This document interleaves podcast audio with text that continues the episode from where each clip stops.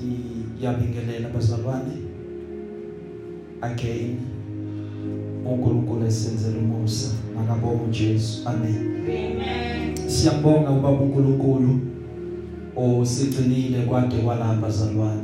Amen. Amen. sibonge nakini ukuthi naso suku lwanamhlanje nizohlanganyela nathi bazalwane. Amen. Amen.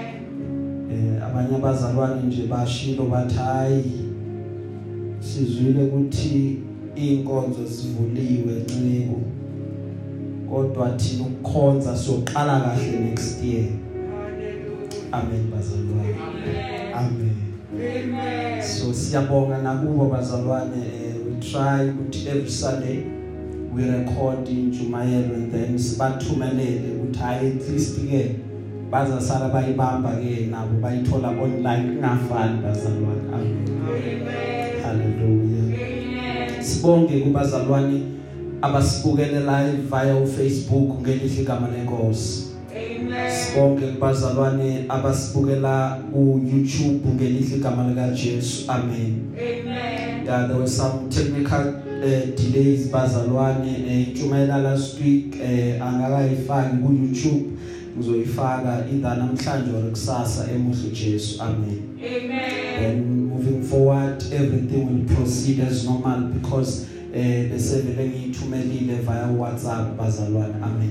Amen. namhlanje uJesu emuhle kunomyalezo obekekile emoyeni wami ngithanda ukuba sibonisane ngawo singeze safunda amavesi amaningi ivesi linye nje bazalwane.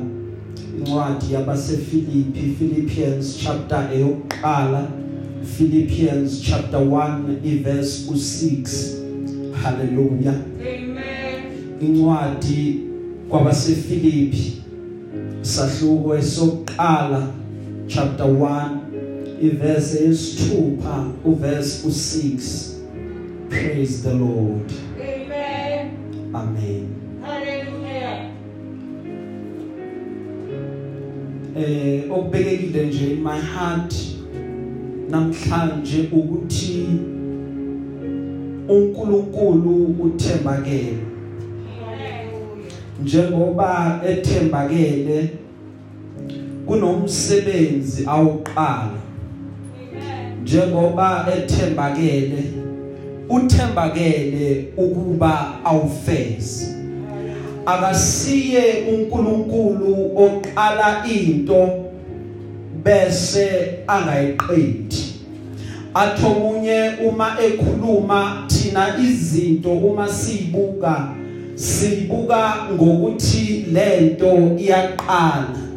Kanti kuNkulunkulu uNkulunkulu yena uqala qala ayiqede before ayiqale. Akaqali bese ayiqeda kodwa uqala ngokuthi ayiqede bese uyayiqala. Praise the lord Hallelujah. so uqalile umsebenzi empilweni yakho thembakele kuba ufeze Amen. makabonga uJesu Amen. izwi lenkosi lifundeka nganansi indlela ukuthi uPaul umebhala ngethembile ngempela yona lento ukuthi owaqala umsebenzi omuhle kinina uyakufeza kuze kube usuku luka Kristu Jesu. Ngethembile ngempela yona lento ukuthi owaqala umsebenzi omuhle kinina uyakufeza kuze kube usuku luka Kristu Jesu. iBhayibheli ngesilungu lifunde yangananzi indlela being confident of this that he who began a good work in you will carry it unto completion until the day of Christ Jesus elo yedwa bese sikhulekile Baba leli. Baba lisibane likukhanya. Baba uphephela kuwo uyalondeka. Ngegama likaJesu waseNazaretha.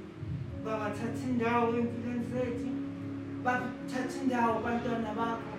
Baba balambele ukuzizwe lakho ngoba izwi lakho lisibane. Izwi lakho likukhanya ngegama likaJesu Kristu waseNazaretha. Manje amen. Amen. siyabonga bazalwane la la sifunda khona sithola incwadi ebhalwa uPaul eyibhalela ibandla labazalwane baseFilipi haleluya Amen.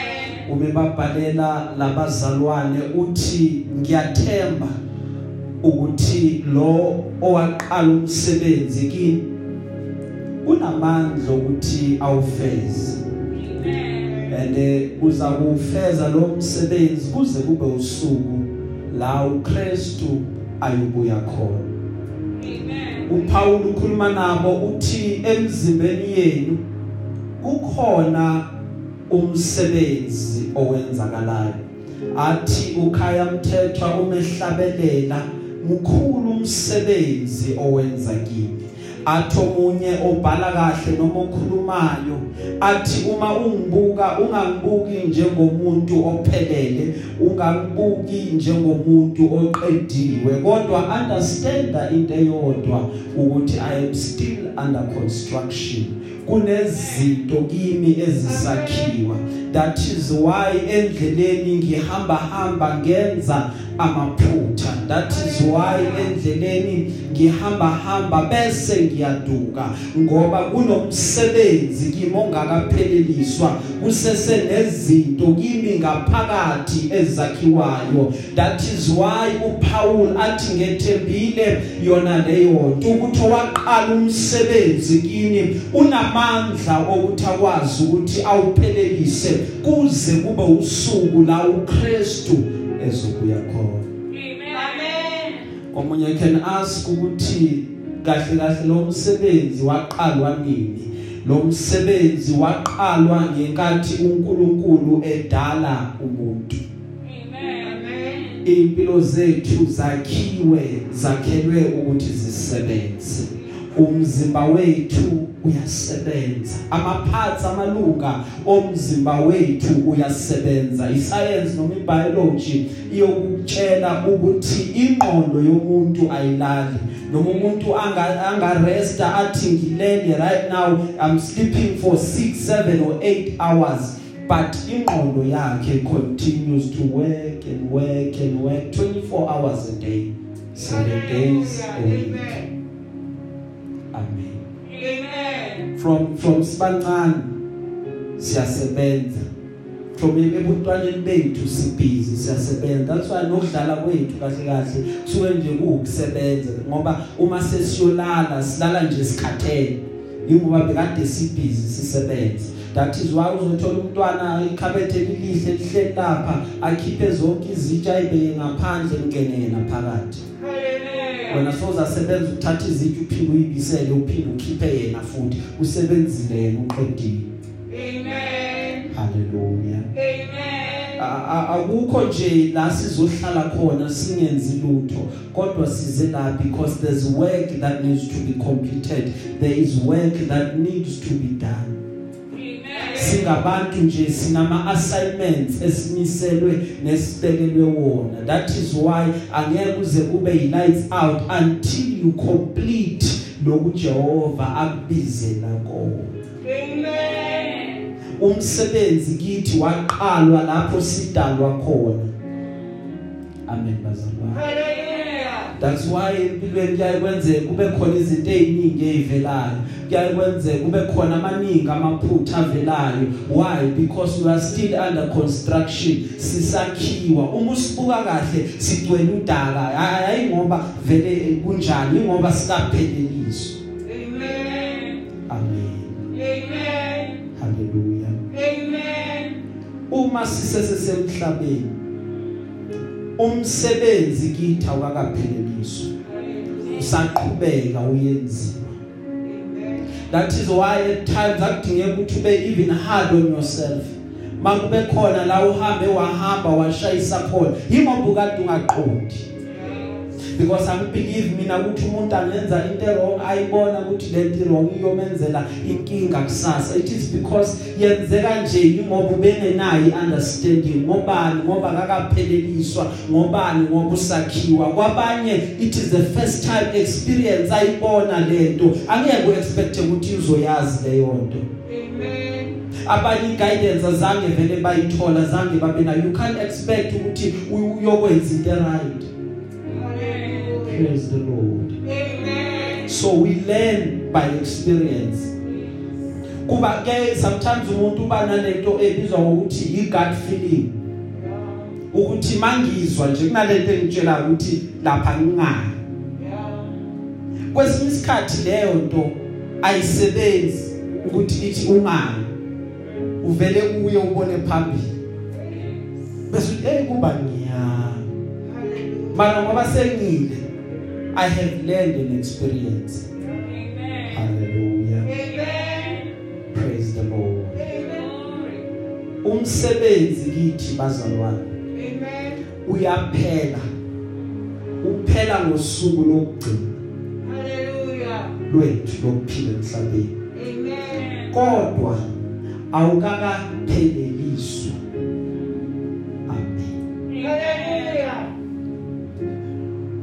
uyaphela kithi umsebenzi?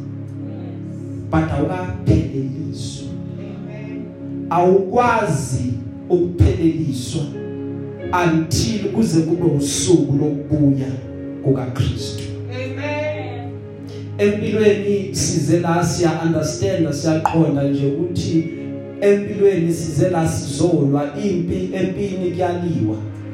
Ziningi izimpi esibukana nazo. Sometimes ukulale kungenzakalanga lutho. Uma wayelusalele uyithole sewulwa impi yet you don't understand ukuthi why ngikulemphe nguyo ngilwa ngalendlela engilwa ngayo. Kodwa nje sewududuzwa ukuthi at least ngivuke nginqobile. Ngoba izimpi ziza ngazona zonke indlela haleluya bengathi nje ubogada uma izimpi zingakuvukeli. Because that means ukuthi ukukhula kwakho awukhuli at that point. If ungahlala nje a very long time ungabikho nokodwa okuvukayo it means ukuthi you need to check ukuthi ngisahamba kahle yini. Because empilweni fanele kuhamba hambe kube nezinto ezivukayo yes there are nice times but fanele kuhamba hambe kwesisikhathi uphathwe ikhanda ungazi nje ukuthi liqhamuke kuphi.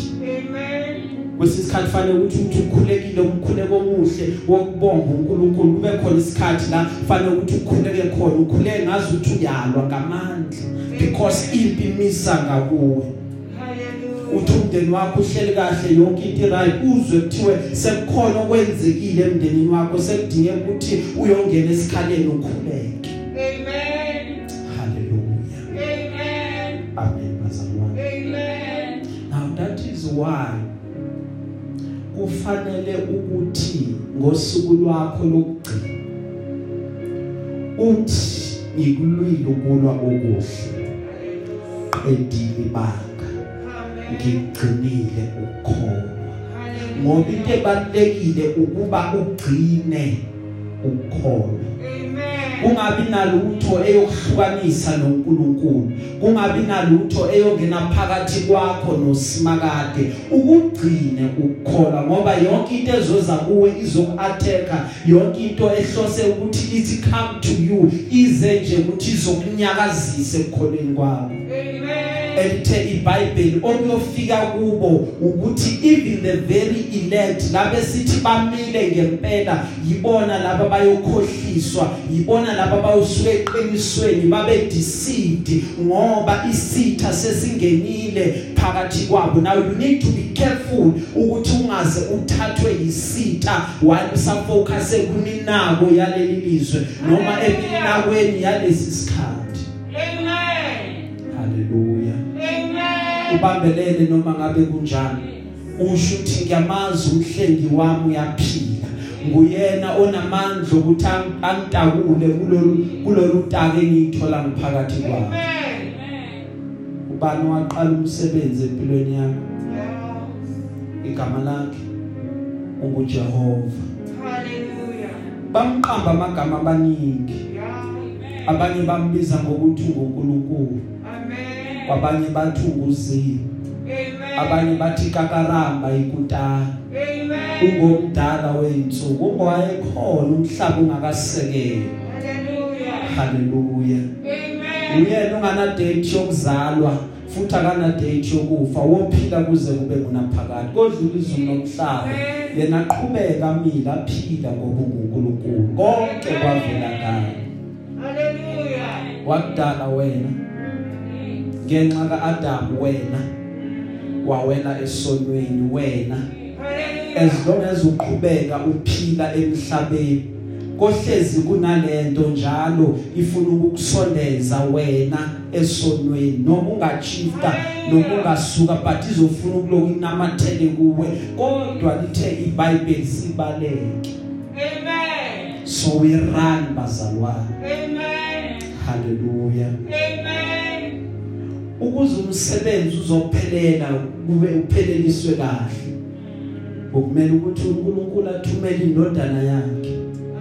Ukuthi ize izofa ife kuphe emthini ohlazo. So that even amahlazo ethu azowa attend asithwalele onke amahlazo ethu. Now that is why sisalinde ukuthi kube khona ukuphinde ibuye so that wonke umsebenzi awenza uzokwazi ukuthi upheleliswe so singasho nje ngokungananazi ukuthi kahle kahle lo msebenzi lo une impact yokuthi uqalwe esiphambanweni. Hallelujah. ngoba sakhumula imizimba emdala sambatha imizimba emisha safa.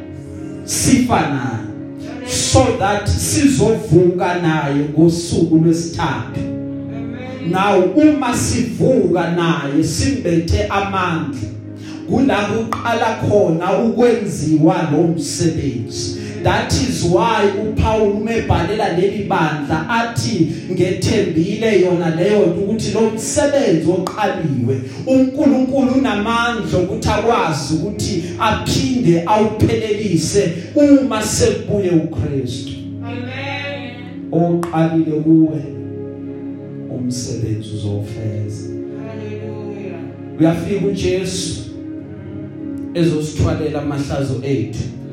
That is the first coming Yeah. uyafika uJesu uzosibonisa indlela efanele ukuba sihambe ngayo uma sekafikile kumuntu lithi iBhayibheli akangena force akangeni by force akayiphoqi but ufika kahle abe gentle Hallelujah. afika athi ngimi ngasemnyango Amen. ngiyanqoqota Hallelujah. umuzwa izwi la vula umnyango ngingene ngihlale nawe ngiphinde ngidle nawe Hallelujah. wamvulela umnyango uzongena enza umsebenzi Amen. haleluya Amen.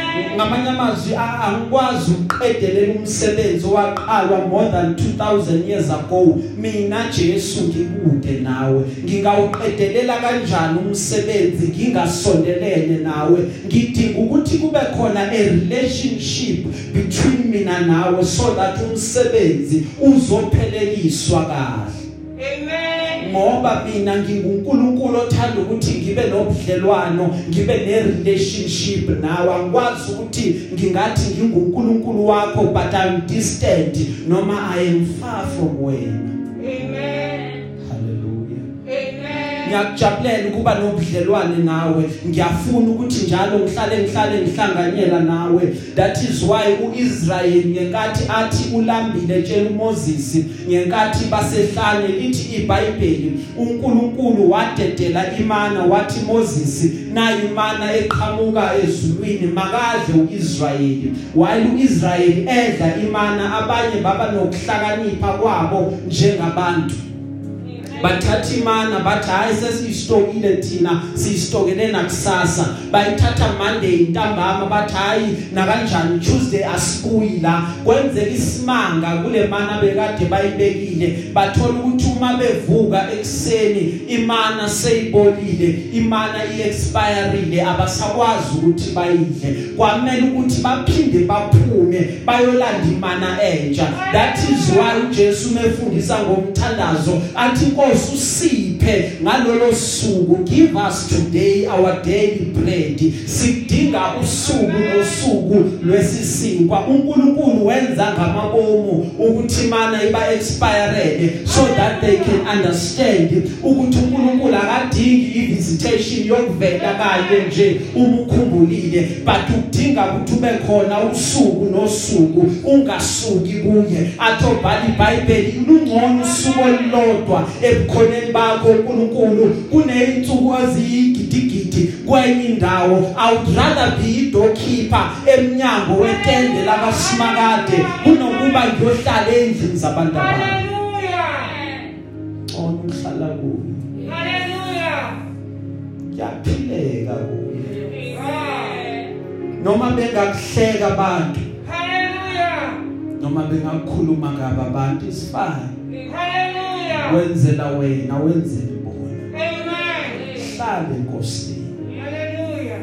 amen bazalwane Amen. to sebenza ngayo most of the time Yeah. melihlala seduze kwakho Hallelujah. hlali la eduze kwakho so that uzokwazi ukuyisebenzisa Sa- sasithi uma siqeda nje ukuthenga imoto bathi lidayi lemoto ngendlela oyithanda ngayo mawuphuma nje uyeshop ugibela imoto shaya isikhiya Hallelujah. Sekushoda nje ukuthi uyigibele nje ibeke lapha etoilet Amen. amen Amen. most of the time in life if you can look at life aziziningi izinto ezisebenza nge-remote control because kumele ukuthi zibe seduze konke okusebenza ngaloko kokulawula kumele kuhlale kuseduze amen bazalwane i-remote control angithi nale light leli libonakalayo eh, elikwazi ukuthi makukhanye lona likhanyise lapha mhlambe ufuna ukuvula i-TV yakho. Now uma ubloke le light kusho ukuthi ubloke isignal. i-TV ayikwazi ukuthi ingadlala ngoba lokho okutransmitter isignal kune blockage kunento evimbe ukuthi kudlulele la fanele kuba kufike khona. Amen. Iba seduze noNkulunkulu. Hallelujah. azokwazi ukusebenza ngawe. Jehova ukhangela nje angasebenza ngawe ukhona ukhona yini available noma usabanjwe izinto zakho. Noma usesethu focused kuwe. Noma unokusaba ukuthi uNkulunkulu angasebenza yini ngami uyasebenza ngabantu uNkulunkulu. Haleluya Amen. praise the lord. Hallelujah. ungabi kude naye. Glory. thandaza njalo Yeah. ufundiswe Yeah. hlanganyele bazalwane Hallelujah. nabazalwane nabelane ngezwi lenkosi Amen. balekile lokho Yeah. kulawakhiwa futhi wakheka khona Hallelujah. ngoba uqalile umsebenzi Yeah. uzowufeza Hallelujah. mawuphile empilweni Yeah.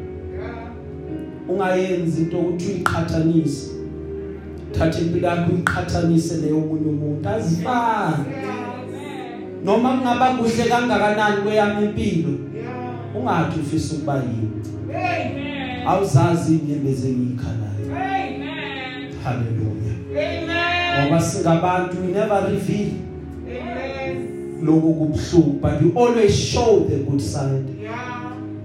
Glory. I believe that is why iningi labantu they would even suffer from ukugula okufana nabo depression Hallelujah. because why they're trying to keep up the standard esibekwe omunye umuntu Glory. because sometimes you might even feel like lokho enako is not even good enough Yeah. hallelujah Amen. thiwa indoda yacelwa umlungu wayo ngoba ihlala njalo ifika 8 yabo emsebenzini mawungena ngo7 yena afika 5 to 7 every time Hallelujah. so umlungu wayo wayicela ukuthi man ngizobe kune function nabanye ama associates ami ngithanda ukuba ube khona ngeke ngihambe nawe ngoba ebona ukuyimisela kwakhe Hallelujah. hayi wavuma nempela wahamba nomlungu wakhe wagcoka waba muhle khona beyangenza umsebenzi okhokhela imali eningi bekahola nje kahle but okunye ezinye zezinto angakwazi ukuthi ayi afford Yes. Uma efika lapha wabona hayi bonke bafaka amasudu yena. Wayemuhle nje ayifaka i-shirt yakhe netie yakhe nje. Yamuhle presentable Hallelujah. kodwa wathi umele senabisisa bonke labantu abalapho kulowo mcimbi. Wa- waqaphela into eyodwa ukuthi bonke bafaka amawashi. Hey. and wonke amawashi abawafakile ayabiza. Akuwona amawashi achibile Hallelujah. Wakhumbula yena ukuthi mina anginalo iwashi lesandla Amen. le washi lele nginalo ngaliphiwa umkhulu yifa Hey. and selilidala Hallelujah. uma lifika konke kuphuma inkukhu ithi kukuluku bese yabuyela hayi sizokwazi ukuthi hayi sekumele ngivuke Amen. wathi umebuyele ekhaya wafike walibukisisa lewashi lakhe wathi alifani nalama washi walaba bantu Hey. Wathatha isando walihlahlela Hey. ukhumbule uhlahlela ini uhlahlela alarm clock yakhe emvusayo Oh. iwasha lenze lutho Hey. kodwa usifiso unxanela idesire yakhe yiyo lesemkhipha ku focus yalafuna yakhona Hey.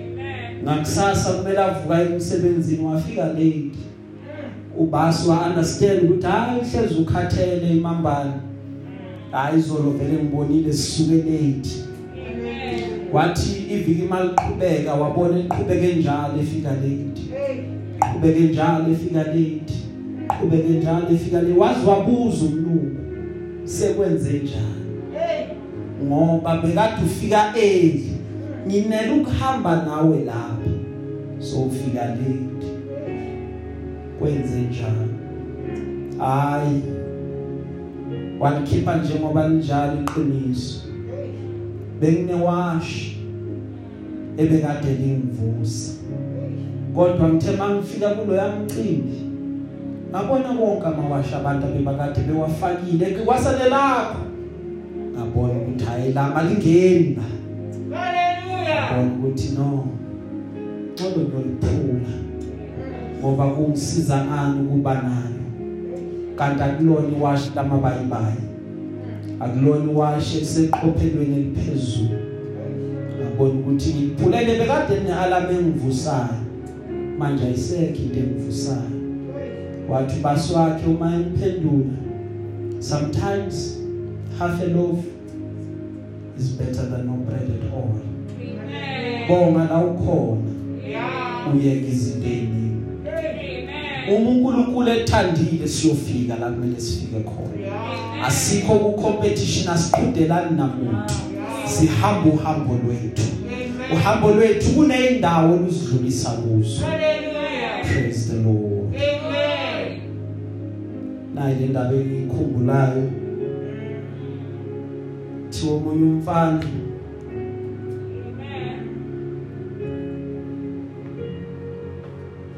Wabona ubaba omdala. Umembona esuccessful. Wathi ngiyafisa ukufana nawe.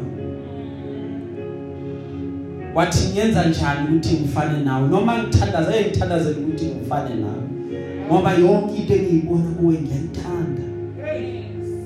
wathi mfana usho ngalento othi ufuna ukuba yiyathi ngisho wangamtshela lo baba ukuthi there's a price that you have to pay Yes. hayi bahlukana wathi ubaba hayi inkosi ayikuphe njengokucela kwakho Amen. njengoba ecelile Yeah. wathi hayi ngiyazi nami ngiyofika ufane naloya baba Hallelujah. wamangala umfana ebona yonke into athi ubheke kuyo uyithembile iphela. Wamangala bona yonke into ephambi kwakhe ishabalala. Wamangala bona iqathulo nazi ziyaguga. Makathi uhlupheka ngendlela eyisimanga wathi angeke Yeah. ngathi sengiwestern ngendlela ebekade ngayo. Wabuyela kuloya baba. Wathi baba yini lo nginike yona ngahlushwa kangaka why why- why impilo yami seyiyaphasi? Athi mfana wathi ubaba mfana. Ucele ukufana nami Amen. and impilo yami yaqala lapho Amen. ayiqalanga ebukhazikhazi Hallelujah. so ngifuna ukuthi mawuzolandela uunderstand ukuthi lento oyicelile cela into enzima kakhulu Hallelujah. haleluya Amen. angithi kwashiwo njalo naku Elisha kwathiwa into oyicelile inzima Hallelujah. kodwa izokwenzeka Yeah. Uma ungibona ngithathwa Yeah. haleluya Amen. your life iba nentokozo Yeah. once you begin to appreciate la ukhona Amen. ubonga la ukhona uyibonga even nawe khona isikhathi la fanele ukuyibonge wena ubonge nje ukuthi azange ngize ngigive up ubonga ukuthi ngaqhubeka abanye babuka ukuthi sekuphelile ngami kodwa uNkulunkulu engipha amandla ngavuma ngaba namandla ngaqhubeka ngaya phambili zikhona inyembezi yesinkhala but azange ngibheke emuva but ngaqhubeka ngaya phambili Amen. ngenzeka ukho la ufuna ukuba khona Yeah. yenzeka u- awukho la ufisa ukuba khona Hallelujah. but bonkulunkulu awukho la ubuya khona Amen. la ubuya khona bekade kunzima kakhulu sekungconywana la ukhona Amen. bekhona ushintsho lwenzakalayo in your life. Noma lingaba lincane kangakanani but ushintsho lona lwelaba khona. Amen. amen. Ngiyithi mina uma ngibuka impilo ngiyifanise nokuba se exam room sithi uma sifika e-exam room kuthiwe hamba nofunda uma sifika sesibona iphepha. Abanye bayazi into ekumele bayibhale Yeah. abanye ba confused Amen. abazi babhaleni Yeah. abanye bazuhafu Amen. abanye baziwonke ama answer Amen. net baslow Yeah. that's why abanye abantu bangakunikeza ama ideas Yeah. wokuthi ungaba rich kanjani Hey. Bangakunikeza ama ideas ukuthi impilo yakho ingaguquka kanjani kodwa mase ubuka kahle bona bayenze lento abakutsheleyo Amen. ukuthi amanzi abanawo net baslow amen Amen. sebenzisa wonke amathuba watholayo ngadlali nangelilodwa ithuba Amen. because impilo iyakunikeza amathuba wonke umuntu ithuba uyalithola Amen. inkinga nje ukuthi labo bawatholile abanye bawasebenzisana bawathathile badlala ngawo omunye liphinde libuye kodwa still adlale ngayo but when i use every opportunity oyitholayo ukwenza impilo yakho ukuthi ibe ngcono Amen. futhi ungenza ama plans Yeah. uwenze nje uNkulunkulu angekho Yeah. Ungenza ama plans anga angekho connected noma angaxhomekekanga kuNkulunkulu Amen. ngoba uye uphumelelisa konke sikuhlelayo Hallelujah. uqondisa ukunyathela kwethu Yeah. uye wazi ukuthi kusasa sobe sikhona yini Amen. ungaplay nangekho yena Amen.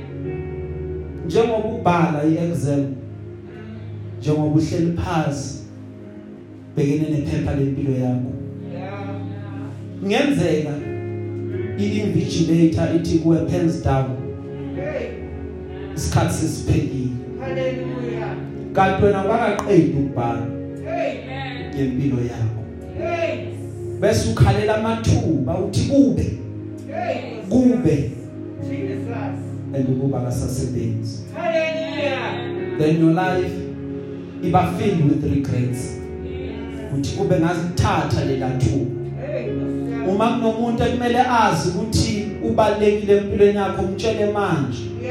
Because kusasa ulaza una guarantee ukuthi kusasa uzoba khona yini. Khumbula ukuthi amaphepha esiwabhalayo Jehovah. amaphepha esiwabhalayo awalingani that is why leminyaka esiphilayo ingeke yazi yalingana. Ufuna ukukukhumbuza ukuthi namhlanje impilo is serious Hallelujah. nawe yithathe serious Amen. ngoba impilo ayifuna amaxhawu Hey. ayifuna abantu abazodlala Yeah. ufuna abantu abazokwazi ukuthi bayithathe ngendlela ezipresenta ngabo kuyo bese bayisebenzisa kahle Amen. Paul lasifunda khona umentweni eyodwa ayikho into eminyakazisayo Yeah. uthi ithemba lakhe lisekutheni lo waqala umsebenzi Yeah. Ngiyazi ukuthi uzowufeza impilo ivamisile ukuthi ifike nama experiences ayo. Hey. izowabeka phezulu kwakho. Hey. akwehlelwe akwehlele in your life. So that umsebenzi uqhubeke ufezeke noma abantu bangakubuza ukuthi sekwenzakalani manje? Why izinto zikubedela kangaka? Why ushaywa kangaka? Why ibonakala ngathi izinto ayihlangana uvela uthi hayi saqhutha umsebenzi. Amen. khona lokho la siyakhona. Angikaboni mina ngisazobona. Amen. haleluya. Amen. ngoba simakade ngeke azawuqhube ngokuhleka kuphela. Kwesinye isikhathi khona la fanele ngihlule ngidlule khona. Kube khona idiscomfort engidlula kuyo. Kube khona la fanele ngidlule khona. Kube khona ubhlungu engibuzwayo. Amen. kodwa kumile kutheni yena ngakaqedi ngakho. Haleluya noma abantu bangabona ngibhidlika noma bangabona ngishayeka kodwa ngisakhiwa. Amen. ngoba ngendlela sisebenza ngayo uyenza ukuthi ngaphandle kube ngathi ngiyaphela. Kanti ngaphakathi ngiyavuselelwa. Elithi iBhayibheli imkhulu musa wakho usuku nosuku. Uma yena akha indlu wenza make sure ukuthi indla kayishiyi ngakapheli wenza make sure ukuthi indla yakhe uyayiqeda. Ungumakhi omuhle. Noma abantu bangabona ngazuthi kusashota itina phezukwe yami impilo kodwa ngithembe lo ongakhayo ukuthi ngendlela angakha ngayo uzongakha ngize ngiphelele. Ngothi uma sengiphelele ngibe yindlu echitha isikhathi ukuyibuka. Amen. nyobe ngimuhle ngendlela eyisimanga. Once kubonakala ukupheleliswa kwami because kwesinye isikhathi uyangenza ngithi vaya ebhlungwini because afuna ukuthi kube khona ukwakhiwa kwenzakalayo Amen. praise the lord Hallelujah. siyakhiwa bazalwane Amen. sisakhiwo sikaNkulunkulu Amen. umsebenzi uyopheleliswa Amen. uyoperfectwa ubuKristu kwebuye Amen. angizukuba perfect Yes. until uKristu afike Hallelujah. kusho ukuthini lo ukuthi abantu bayophila badlule emhlabeni bengakabi perfect Hallelujah. amen Amen. what will be complete is your life it's complete if if if i manage to do everything athi Dr Miles Monroe make it a point ukuthi uma ufa ufa uempty if i manage ukuthi mangifa mina ngifa ngiempty ngikwenze konke uJehova wangibizela kona and i can even stand before him ngithi baba ngakwenza konke Amen. that means only one thing phase 1 kusho ukuthi my life was complete Yeah. but it was not perfected Yeah. but it was not Amen. That is why noma ungaya emncwabeni womuntu bathi lo uhambe kahle ukubadlula bonke Yeah. kukhona lapho phakathi kwabantu abazili Yeah. abawazi amaphutha walosukanele la Amen. Hallelujah. Hallelujah. Amen. because his or her life ayikakabi perfected Yeah. Umsebenzi uzopheleliswa. Umsebenzi uzopheleliswa uperfect in second coming Hallelujah. praise the lord. Amen. the day sihlangana nenkosi yethu kula everything iyopheleliswa khona. Kula everything yoba fulfilled khona ngoba bazalwana kakabonakali siyakubayini kodwa siyazi mhla ebonakaliso siyofana naye. Amen. Phase 2 perfection. Kula uKristu edibana khona nebandla. Kula uKristu ethatha khona ibandla. Elithe iBhayibheli uma uphila wena okuyokwenzeka uyokhumula lo mzimba usale la bakubone uphakama uyothatha umzimba omusha lephezulu Amen. sesigcina bazalwane. Hallelujah. ngenzeka namhlanje abantu mabengibuka Hey. babone kunezinto eziningi empilweni yami Hallelujah. ezinye zazo nami self ziyangidida Hey. ezinye zaza ngiqondi kwasamini Amen. but ngenza into eyodwa ngihleli kuye lo othe hlalani kimi Yes. njengamagatsha esihlahla Yeah. ngoba uma sihleli kuye uyakusenzela konke sikucelayo haleluya Amen. uma ngihleli kuye uyangipha ukuthula Yeah. uma ngihleli kuye uyanginakekela Yeah. athi ohlabelelayo ngiyakholwa mina Yeah. manje ngihlushwa yini Amen. ngoba ngibona uJesu abantu bahamba noJesu uyaqhubeka uyabanakekela Yeah. ngoba uJesu uyasha athi hayi masiqhubeke umsebenzi uyapheleliswa kube khona into nje kimele ukukhuluma njalo ukuthi hayi na umsebenzi so uhamba lapha ko 70% so uhamba lapha ko 75% ngithi baba ngiyabonga ukuthi usuku nosuku uyangaka that is why ngikhetha ukuthi ngihlale kuwe ngiyazi ukuthi kuwe akukho okungenzeki. Kuwena konke kuyenzeka. Hallelujah. isikhathi asisekho bazalwane. Amen. mhlawumbe usuyagoqa Hey. hlale enkosini Hallelujah. yena waqala umsebenzi Yeah. unamandla okwenza Yeah. awenze uphelele Hallelujah. kuze kube usuku lokubuya kwenkosi Amen. amen Amen. kwanga inkosi engabusisa ukufunda kwezwi layo nibusiseke nje bazalwane kuphi nakuphi la niyothola khona nizwe lomlayezo Yeah. nihlale nikhumbule ukuthi lo msebenzi waqala Yeah. Jehova uzowufeza Amen. praise the lord Amen. siyabonga bazalwane Glory. amen